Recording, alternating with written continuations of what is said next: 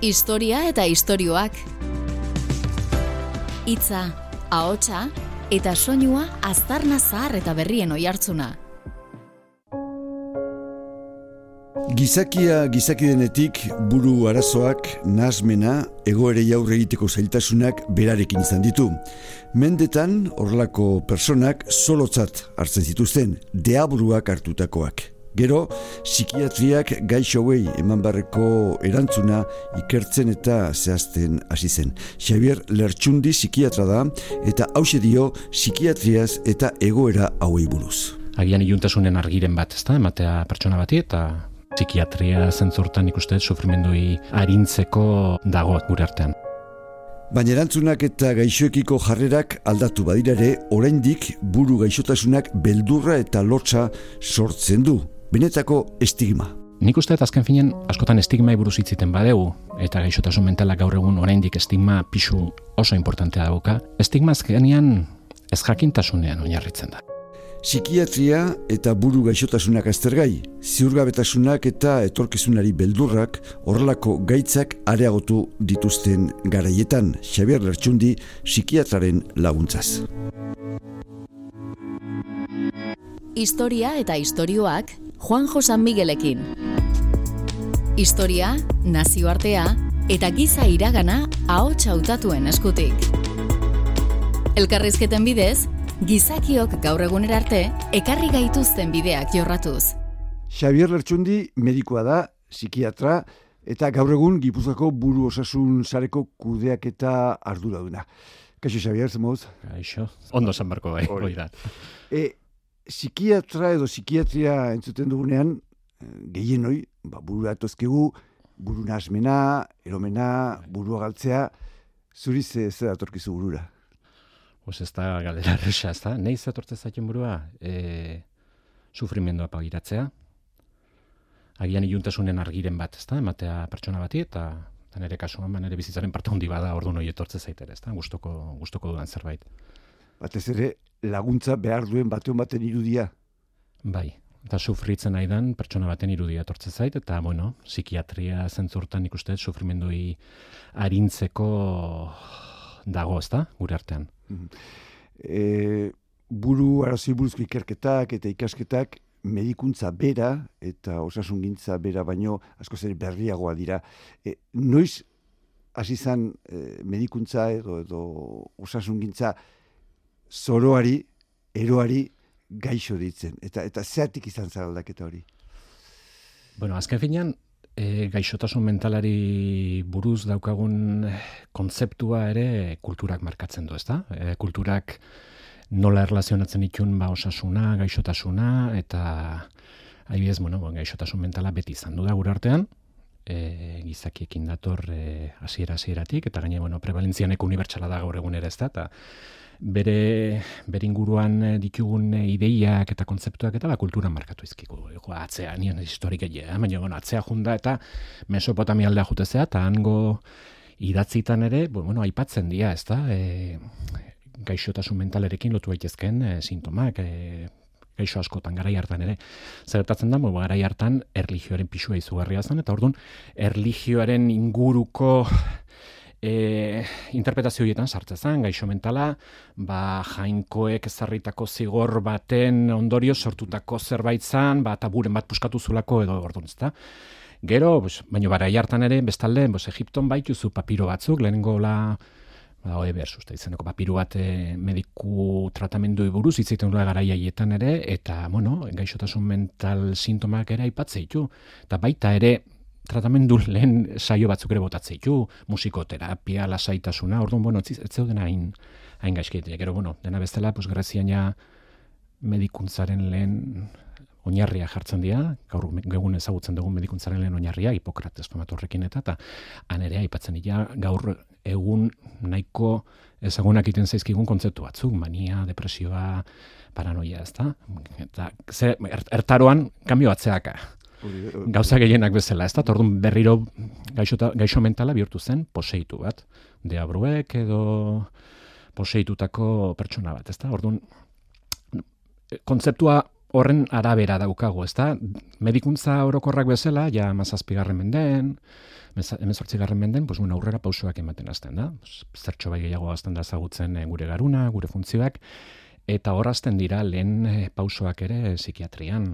E, aurretik, ertaroan aipatu ere, bazauden e, arabiar kulturan adibidez, zoroetxeak deitzen zieten haiek, baina bueno, etzian tratamendu instituzioak zien pixkat, gaixo mentalak gizartetik pixkata islatzeko, mm -hmm. gizartea babesteko, baina baita ere gaixo mentalai ere dignitate minimo bat emateko ta, mhm. eta, eta, eta zaintzeko ere, ezta? E, eta hoi adibidez, hoi mezortzi garren bukaeran, Frantzin e, sortzen da lehenengo alegin lehenengo tako instituzio psikiatrikoa, la salpetria famotua, eta badago aldaketatxo bat, ezta? Eh, hori izan behar, pixat, e, zurku izan duzun bezala, erdiaroan atzeraka badago, bai. hor, e, batez Europan, gaixoak, edo zoroak, edo ez, deabroak harrapatutakoak, baztertu egite dituzte, eta lehen aldaketak emeretzi garren mendian pixkat azten dira. E, amazazpi mezortzian azten dira, ja, garunaren funtzionamentua ere ikertzen azten dira, ilustrazioakin, eta Eta ordun e, ja, adibidez, hori salpetia sortzen da, dala lehenengo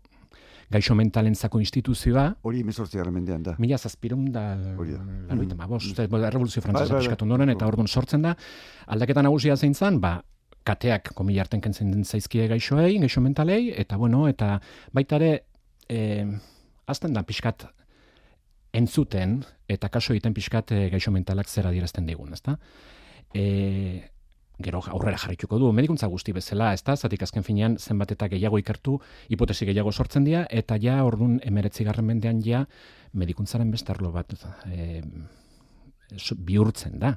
Eh 19. bukaeran hori hasieran ja pues oinarrizko psikiatra asko sortzen zaizkigu definitzen hasten dira gaixotasun mentalak eta bueno, horrela goaz. Arazo nagusia denbora guzti hontan, bueno, agian bi e, ez ezagutza, zatik ez da erresa, eh gure garunan funtzionamentoa ondo ezagutzea, eta tratamendu falta.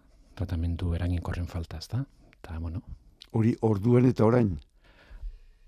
Orain tratamentu asko ditugu. Sortez, e, gauzak asko aurreatu dira, baino nik uste oraindik e, asko dagola egiteko, ezta? Ez asko asko dakagula ez ezaguna gure buruan funtzionamendoa buruz.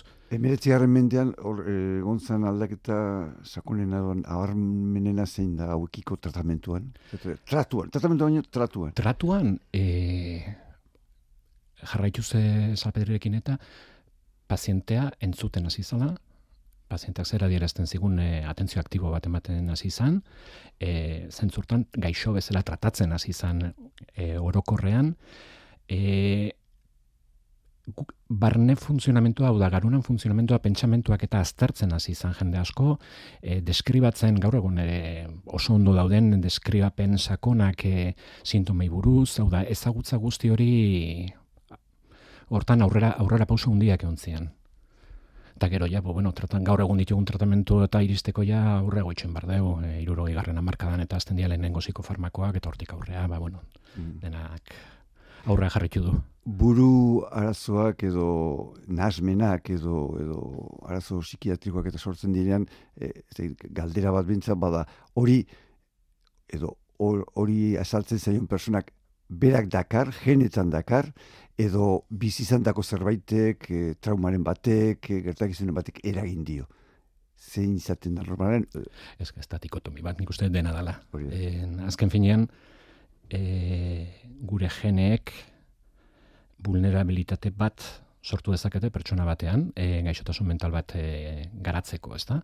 Eta vulnerabilitate genetiko horren gainean, inguruko e, faktore desberdinek influitu dezakete e, gaixotasun, bueno, vulnerabilitate horren gainean e, aktuatuz eta ordun gaixotasuna sortaraziz. Baina, e, berez e, zerbait dakar ekarri behar du, edo persona normala itzen duguna inungo, bo normala ez da, itzen itzen markatu, markatu, arrozi oso duzu. Ez da, e, berez geneetan, astarnarik ez dakarrenak e, jaso ezak baita ere, edo... Genek dena determinatzen du, zure ile kolorea, zure begi koloreak, zure izaeraren parte handi bat ere, temperamentua jenek markatzen dizue, hau da, hau txasisa, gure da txasisa, tola jaiotzen mm -hmm. Eta e, edo zer e, asaldadura edo garatzeko vulnerabilitate hor azpian, vulnerabilitate horrek hor azpian izan bar du. Hau da, edo ez da, eh, edo horrek ez du garatzen alkohol menpekotasun bat adibidez. Hori zone Hau da, ba, oinarrian bade, izan bar dezu eh, vulnerabilitate bat eh, hori garatzeko. Gero noski, eh, alkohola probatu barko dezu, eh, alkohola luzean probatu barko dezu, eta agian, menpekotasun bat sortu, ezta? Mm Baina hasieratik e, vulnerabilitate horrek hori izan bardu. Gutxi dakigu zetik genetika e, psikiatrian osasun mentalean genetikai buruz gehiegi ez dakigu e, ez da hain takit e, daun batean trisomia bat badakigu hogeita bat kromosoman iru lelo da eta bueno, horrek sortzen ditula e, sintoma batzuk edo e, gaixotasun bat ez da psikiatrian ez da hoi, ez da gen fijo bat, baino bai da, gen askoren arteko erlazioa eta beraien espresio horren garapena edo hori hor dago, ez da? Eta gero, kanpoko faktorek zein godu azkenean, hoi, tekla hoi ikuitu, eta egian, gaixotasun mental ba, bat sortu. Eta zeintzu dira eh, arrisku faktoroiek? Zeintzuk izan daitezke baldin baudulan eh, da esan, e, aztertutako nagusienak edo pixate azaltzen dira nagusienak edo... Ba, prinsipioz asko, e, bat oso garantzitsua sustantzi konsumoak, adibidez. Mm en, eskizofrenia edo trastorno psikotiko bat sortzeko e, kanpo faktore sortzeko eskaitza ez da, sortzeko e, adierazteko kanpo fakturetako bat eta importantenetako bat e, sustantzi kontsumoa da. Baina estres kronikoa, en, e, antxe egoerak, e, traumak, e, faktura asko egoen daitezke inguruan. Historia eta istorioak. Itza, hotxa eta soinua. Euskal Herrian, Espainin, Europan, mhm. antzeko e, jarrerak, tratamentuak, zein da gaur egun gutxura bera? e, olako persona bati e, egiten zaion, ba, lehen da biziko zein dara, arrera, ze, ze, nola bideratzen dan, gutxi bera. Gaur egun, e, mundu garatua deitu balima dezakegu, ez da? Bai, mundu garatuan, bai, bai. lehenengo mundu hortan, orokorrean e, psikiatri buruz, oso mentalai buruz dagoen ikuspegian, nahiko antzerakoa da leko guztietan, ez da? E, aldatzen dana agian da, ze rekurtso material dituzun, zonalde batzutan edo bestetan, e, eta horrek nola utziko dizun garatzen tratamentuk edo ganatze, e, garatzen e, egin daitezken ekintza asko, ez da? E, gaur egun e, nola gutxi, ez da? E, ikuste dituzu, adibidez, psikiatra eta psikologo tasak per capita Europan, ez da? Hombre, konparatzen bale maitugu hemengoak, e, ba, punta-puntan dauden herrialdekin, nordikoak eta ba, oso atzen geratzen gea. Mm beste lekurek batzukin konparatuta, segurazki garatuagoak egon gogea, ezta? Baina nik uste hor hor ere oi, e, inbertsioak, trista da, baina osasun mentalean jartzen dan diru inbertsioak izugarrizko garrantzia du zetik azken finean ikuspegia oso orokorra da gaur egun denok irakurtze ditu revista berdinak denok e, e, ikuste ditugu ikerketa berrik ezta problema da gero eguneroko tratamendu hortan zen medio material dituzun aurrera emateko zuk egokitzat hartzen dituzun tratamendu horiek, ez da? Deno dakigu gutxora bera, deno badakigu zerrein behar dugun, baina hortarako tresnak eta balia bidea behar ditugu eta deno ditu berdinak. Hori da. E, hori Europan, baina pentsatzen dut, oraindik ere, e, herrialde garatuak, garapen bidean daudenak, edo pobreagoak, edo atzeatuagoak, leku askotan gaitz e, buru gaitzak eta e, buru nasmenak eta gaitz bezala edo gaixotasun bezala hartu dituzte ingo, pentsatzen dut. Ni adibiz urte askotan e, jetxi naiz e, tindufeko kanpamentuta, refusiatu mm-hmm. kanpamentuta, ezta? Eta beste, beste mundu bada. Jetxi naiz iketra bezala, lanean ibiltzea. Gaixotasun mentala ere badago. Zan, komentatu izut, e, unibertsala eta leku guztitan dago. Baino medioak guztiz desberdina dira. Hau da, medikamentu gutxi daude, merkeenak, zatik azken finean, ba, bueno, e, ez dakit, e, erakunde ofizialek e, finantziatu behar baditue, agian ezin dezu planteatu tratamentu garesti batzuk e, area eramatea. E, han, gaixotasun mentala egonda ere, ikuspegia oraindik bas agian hemen duela denbora luze genuna izan daiteke gaixotas gaixo mentala izkutatu egiten da Mhm. Familiak izkutatu egiten du. Lotsatu egiten gara, ez? Bai, mhm. izkutatu egiten du, nik oso kuriosoak eta gogorrak ikusi ditut, ezta? Norbait e, jaima batean erdiko makillai lotuta.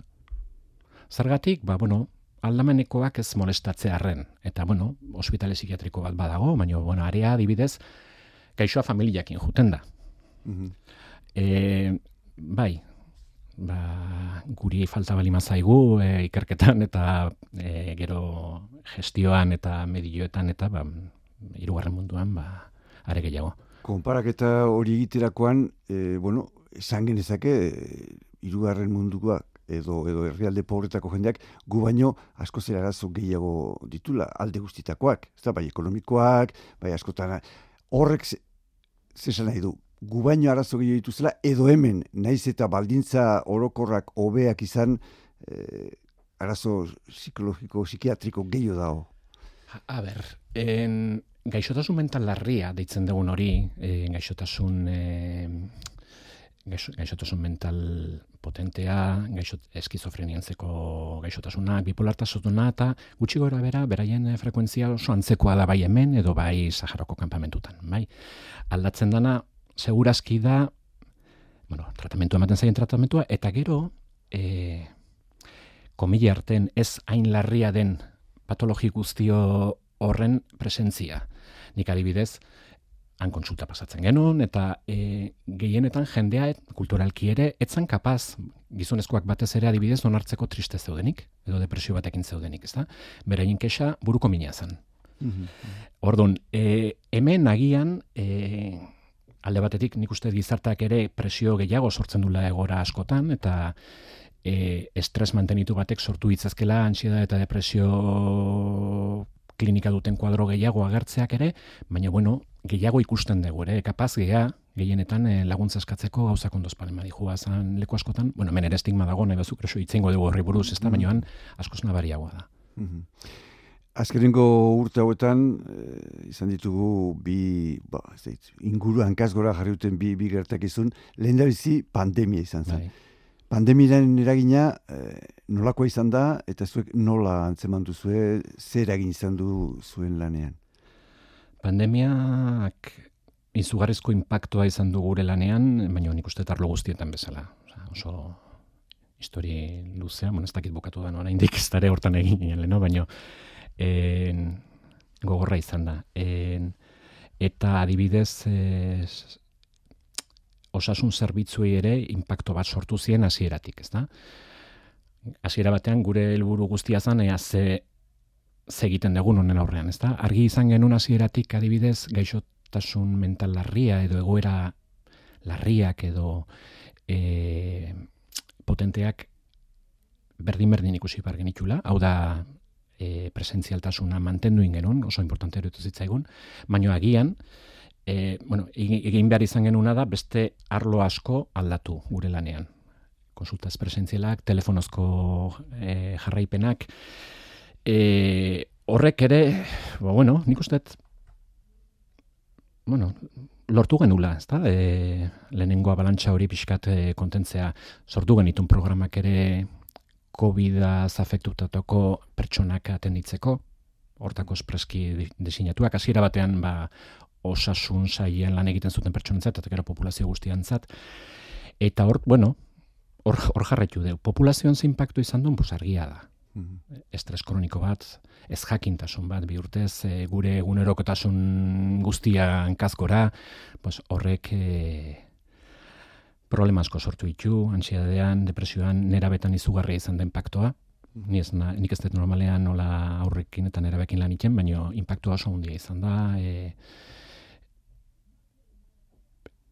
eta bueno, hortan nahi geha oraindik. Nik uste dut oraindik ez degula ikusi zer norainoko impactua eta, izan duen guzti honek. Hortan nahi zaetela eta hortan ari garela Ukrainako gerra, eh, horrek ari krisi ekonomikoa, horrek sortu duen e, ziur gabetasuna, ez dakit, hor zehozeran zen mauzu edo, haindik besteak izabiltzate. Nik uste dut oraindik ah, aurrekoak ingabiltzala eta Ukrainiako historia oso gertu daukago, ez da? Nik uste dut, eh, osasun mentalean Azken finean, gaixotasun askotan, gaixotasun kronikoi buruz hitz egiten nahi Orduan, impactuak ere ez dira inmediatuak. Eh, hasiera batean, COVID-akin eta hitz egitezan olatu buruz, ez, e, infekzio olatuak baizik lehenengo olatu batean impactua izango zen, ba, e, urgentzitan, hospitalizaziotan eta gero, bai hipotetizatzala, ba, e, gaixo kronikoen arretan izango zuen impactua pandemiak, ezta? Adibidez. Eta hor ere sartzen ginean, horri sartu jozu, e, arazo ekonomik sortu diren arazo ekonomiko guztiak, e, arlo, mot, e, arlo guztietan e, izan duen impactua. Ba, horrek noski gure osasun mentala ikutu du, mindu iten du, eta azkenean denborarekin, aguantatzen dugu nenean, aguantatuko du populazioa, baina azkenean puskatu egiten da. Gure gaixo mental larriek adibidez bestalde, badituzte egitura batzuk, er, ertain bideko egiturak, ez ospitalean eta ez ambulategian, baizik ba, eguneroko zentruak eta horrela, e, egitura horietan normalian errehabilitazio psikikoa eta autonomi garapena lantzen dituzu, ba honek ere atzera pauso bat suposatu duelako gaixoentzat, itxi egin zian hoiek bai itxi zian eguneroko zentruak hasiera batean, ezta? Orduan hor atzera pausoak ere egon dia horrelako gaixoetan. Orduan inpaktua ba oso handia. Mm. Batzutan e, psikiatra eta psikologoa ez ditugu oso ondo bereizten edo nastu egiten ditugu. E, zein da bakoitzaren arloan esateko bai e, gaixotasunak eta sendatzeko edo gaixotasunei aurre egiteko eta baita e, aurrez ba, galeazteko edo galeazteko bidea jartzeko. A ber, bi, bi gauza desberdin dira, eta gaine desberdin ikustet errotik, ez da? Zatik azken finean psikiatra bat mediku bada medikuntza lizentziatu egiten dazu, eta gero bai espezialitatzen zea e, garunan edo e, buruan e, ditugun gaixotasunetan. Berez, e, bere bere fina izango litzateke, ba, bueno, gaixotasun hoien inguruko prebentzioa, tratamentua eta eta diagnostikoa zentratzea, ezta? Psikologoa, e, hau da, mediku, mediku izan da, ba, zientzia naturaletatik zatoz, ez da, formazioen ere. Psikologo bat, zientzia humanisteteketik dator, eta gaine psikologo arlo pila bat dituzu, ez da? E, lan psikologoak, e, kirol psikologoak, baina bai, psikologo klinikoak. Psikologo klinikoa eta psikiatra, bioie behiztu beharko liake. Bereizketa nagusia bat meikoa dela eta bestea ez. Ikuspegi zertxo bai desberdina izaten da, baina azken finean aman komuneko lana hor dago gaur egun osasun mental zentro guztik e, multidisciplinarrak dira. Psikiatrak dituzu, psikologoak dituzu, erizain psikiatrikoak dituzu, espezializatuak, gizarte langilea dituzu. Zergatik, argi balamadakagu e, zerbait da gaixotasun mental orokorrean biopsikosoziala deitu nahi bali dela. Hau da, e, faktore biologikoak, baina faktore sozial eta psikologikoak ere hor daudela. Orduan, eman bar den tratamentua orokorra izan barko da integrala, ezta? E, psikologoan tresna nagusia psikoterapia. Mm. Psikiatran tresna nagusia psikofarmakologia. Psikiatra batek ere formazio izan daiteke psikoterapian, baina bueno, berezitasun nagusiak hoe dira. Eta batera lan egin daitekeela noski eta egiten dugu. Gutxura bera, psikiatrak ematen du lehen pausoa eta gero psikologoa pixkatori bideratzen du edo? Ez, normalian adibidez e, osasun mental zentrotan gaur egun. Hasiera batetik enfokatzen duzu pixkat, e, zeinek ikusi bardun lehenengo, sar, lehenengo kontsulta hori, ezta? Normalian, osasun mantelean, euniko laro marretik gora, lehen arretatik, atentzio primeriatik, iristen zaizkigun pertsonak dira, ezta? Klinikaren arabera, medikuak deskribatzen dizun digun klinikaren arabera, hasiera batean, psikiatra batek ikusiko du, edo psikologo batek. Mhm askotan gero ere, bien artean eman daiteke kasu bat, e, psikologak ikusten badu medikazioa beharrezkoa dela, ba, psikiatra sartuko da tratamentuan, edo alderantziz, psikiatra batek deraman paziente batek ikusten badezu e, beharrezkoa izango lukela, e, abordai psikoterapeutiko sakonago bat, ba, psikologoak jartzen duzu. Horre, klinikak markatuko du ere, gaixotasun mental larri batean normalean psikiatrak ikusten du gaixoa lehenbizi, gero ikusiko dugu, ze, ze, ze gauza gehiago sartu egizken tratamendu hortan, eta sartuko dira, eta normalian e, antxia de kuadro bat balimada adibidez, agian psikologoak ikusiko du hasiera batean. Zuke urte esinte amazu lan honetan, psikiatra bai, bai. moduan, baita e, bueno, ardura duntzera, gipuzako e, buruzasunaren kudeaketaren e, zuzendari edo ardura dun. E, Dara urte hauetan, e, ze india, gaitzak, e, gaixotasun hauek, gehitu, gutxitu, gaixo gehiago, gutxiago, gora bera dira, Eh, hasiera batekin konparatuta gaixo gehiago dago. gaixo asko, dakik gaixo gehiago da honitza, jende gehiago ikusten dugu. Zatik egia esan leheno aipatzen genitun, ez da, e, presio sozialak, egoera ekonomikoak, e, eta bai sortu dute antxida eta depresio kuadroen igoera bat segurazki, edo batzutan patologia ez den ere sufrimentu psikiko asko, eta horrek bai e, gure kontsulten parte handi bat e, okupatu du. Ni hasi nintzenetik orain arte, profesional e, zenbakia, ez da, ekipoen, e, ekipoen partaide zenbakia asko handitu da, baino ez nahiko, segurazki, e, dakagun demanda usatuko litzai guken modun e, atenditzeko. Historia eta istorioak. Itza, ahotsa eta soinua aztarna zahar eta berrien oihartzuna. Badirudi, gaur egun irabitzen dira, antxidadea, estresa, berria diela dirudi, ez da dela berroi urte etzian, e, ez zeude, no, bentsat etzian esaten. Edo egongo ziren, eta beste modu baten e, kudeatzen zituzten, edo ez dakit, e, igual, tonteri bada, baina e, apaizaren gana jutezian e, e, pena kontatzea, edo egia esan gizarte struktura pixkat desberdina zeon, e, probablemente familia handiagoak, e, e, ez dakit gaur egun jende gehiago agian ikusten da islatua, isolatua, ez da, sozialki, eta nik uste horrek ere zaitasun gehiago ematen dizkizula, ba, zure arazoak eta kanporatzeko, edo beste modu batean ere kudatzeko. Eta horrela dagoen persona bat, eta gaur egungo bakar da dutan, zer egin beharko luke, zer esango zenioke. Gaixo dago norbaiti, gaizki sentitzen. Bueno, edo gaizki sentitzen bati, edo askotan, ez dakigu, edo, pixate... Nik hasiera batean, bai animatuko nuke ondo espada sentitzen e, lehenarreta medikura zuzentzea. Hmm. Hortxe daude, hortxe ditugu, eta berari planteatu ezkeo egoera, lehenengo pausoak berak ere markatuko ditu zein zure beharrak, berak zertan lagundu zaitzaken, eta e, atentzio espezializatu bat behar izan ezkeo, beak bideratuko du pertsona e, osasun mental zentrota edo edo psikiatra edo psikologota. Baina ez jazukatuko e, oaindik ere e, ez, ez dugula berdin hartzen hanka bat austea edo ez. burarazo ditu. Lotzatu egiten gara oraindik, ez, bai. ez, ez, ez, ez dugu onartzen eta auldade edo, en fin, ez tekit, sortzen zaigu ondo ez bat hori adirazi berrizaterakoan. Bai, e, egon ikerketak, ez da, azken finean, adibidez gizonezkotan auldade sensazio hori oso nabarmena da, ez, laguntza ez eskatzeko edo onartzeko. Nik uste azken finean, askotan estigma buruz hitziten badegu, eta gaixotasun mentalak gaur egun oraindik estigma pisu oso importantea dauka. E, estigma azkenean ez jakintasunean oinarritzen da. Nik uste zure inguruan norbait badezu gaixoa edo asaldodura psikiatriko bat izan badu edo bai zea gai ulertzeko zein intentsuan sufrimendua, zein den funtzionalitatean impactoa eta ordun e, gauzak argiago ikusten dituzu bestela ez dakigu e, populazioak orokorrean ez daki ez, zer dan gaixotasun mentala, eta eta gizakiok normalean ez deguna ezagutzen aurren izan da beldurtu iten geha.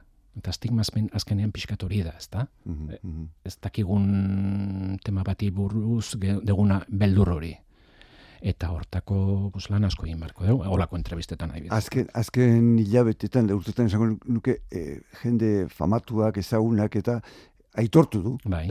Pensatut hori garrantzitsua izango. Oso garrantzitsua da. E, bidea gaixotasun mentala normalizatzea da. Normalizatzea, hau da, e, beste edozen gaixotasunekin ekiparatzea bai e, guri jendearen ikuspegitik eta bai gero ere eskert, eskaintzen zaion tratamentuarekin, ez da? Mm Eta nik usteet gure helburua demorarekin, norta iriste izan beharko litzatekela. Mm Hasiera esan ez edo galdigatu izutia, nundi datorren psikiatria, zintzu izan zian lehen astarna, lehen pausoak, pausoak noluz dijoa psikiatria? Nola ikustu duzu pixat etorkizuna? Bola magiko batxean. Ez, baina, Nora, hombre, e, neurozientzia guztitan aurreakagoaz. Egun ero gauza gehiago dakizkigu gure ganura, garunan e, funtzionamentoa buruz. Nik uste horti jarraitu beharko dela eta jarraituko dela. Etorkizunean, lortu beharko deu ondo ezagutzea ze gertatzen den gure boru barrean, e, gaixotasun mentaletan, zatik horrek bai emango dizkigu tresna egokiak e, gaixo laguntzeko. Gaur egun tresna asko ditugu en, funtzionalidadea bereskuratzeko, estabilizatzeko, mantentzeko, baino oso tratamiento komilarten kuratibo edo gutxi ditugu, ez da, Mhm. oraindik, ez da egulako nahiko ezagutzen, segurazki, ez da, orduan, hortik jarraitutan, tratamendu honeta eta tratamentu individualizatuta iristea izango litzateke helburua. Etorkizunean, e, eguneroko lanean, nik uste beharrezkoa izango dela inbertsio potente bat, hau da gobernu eta instituzioek e, kontuan hartzea oso mentala, nik uste orain arte beti atzeko furgoian jungea, Bai. beti.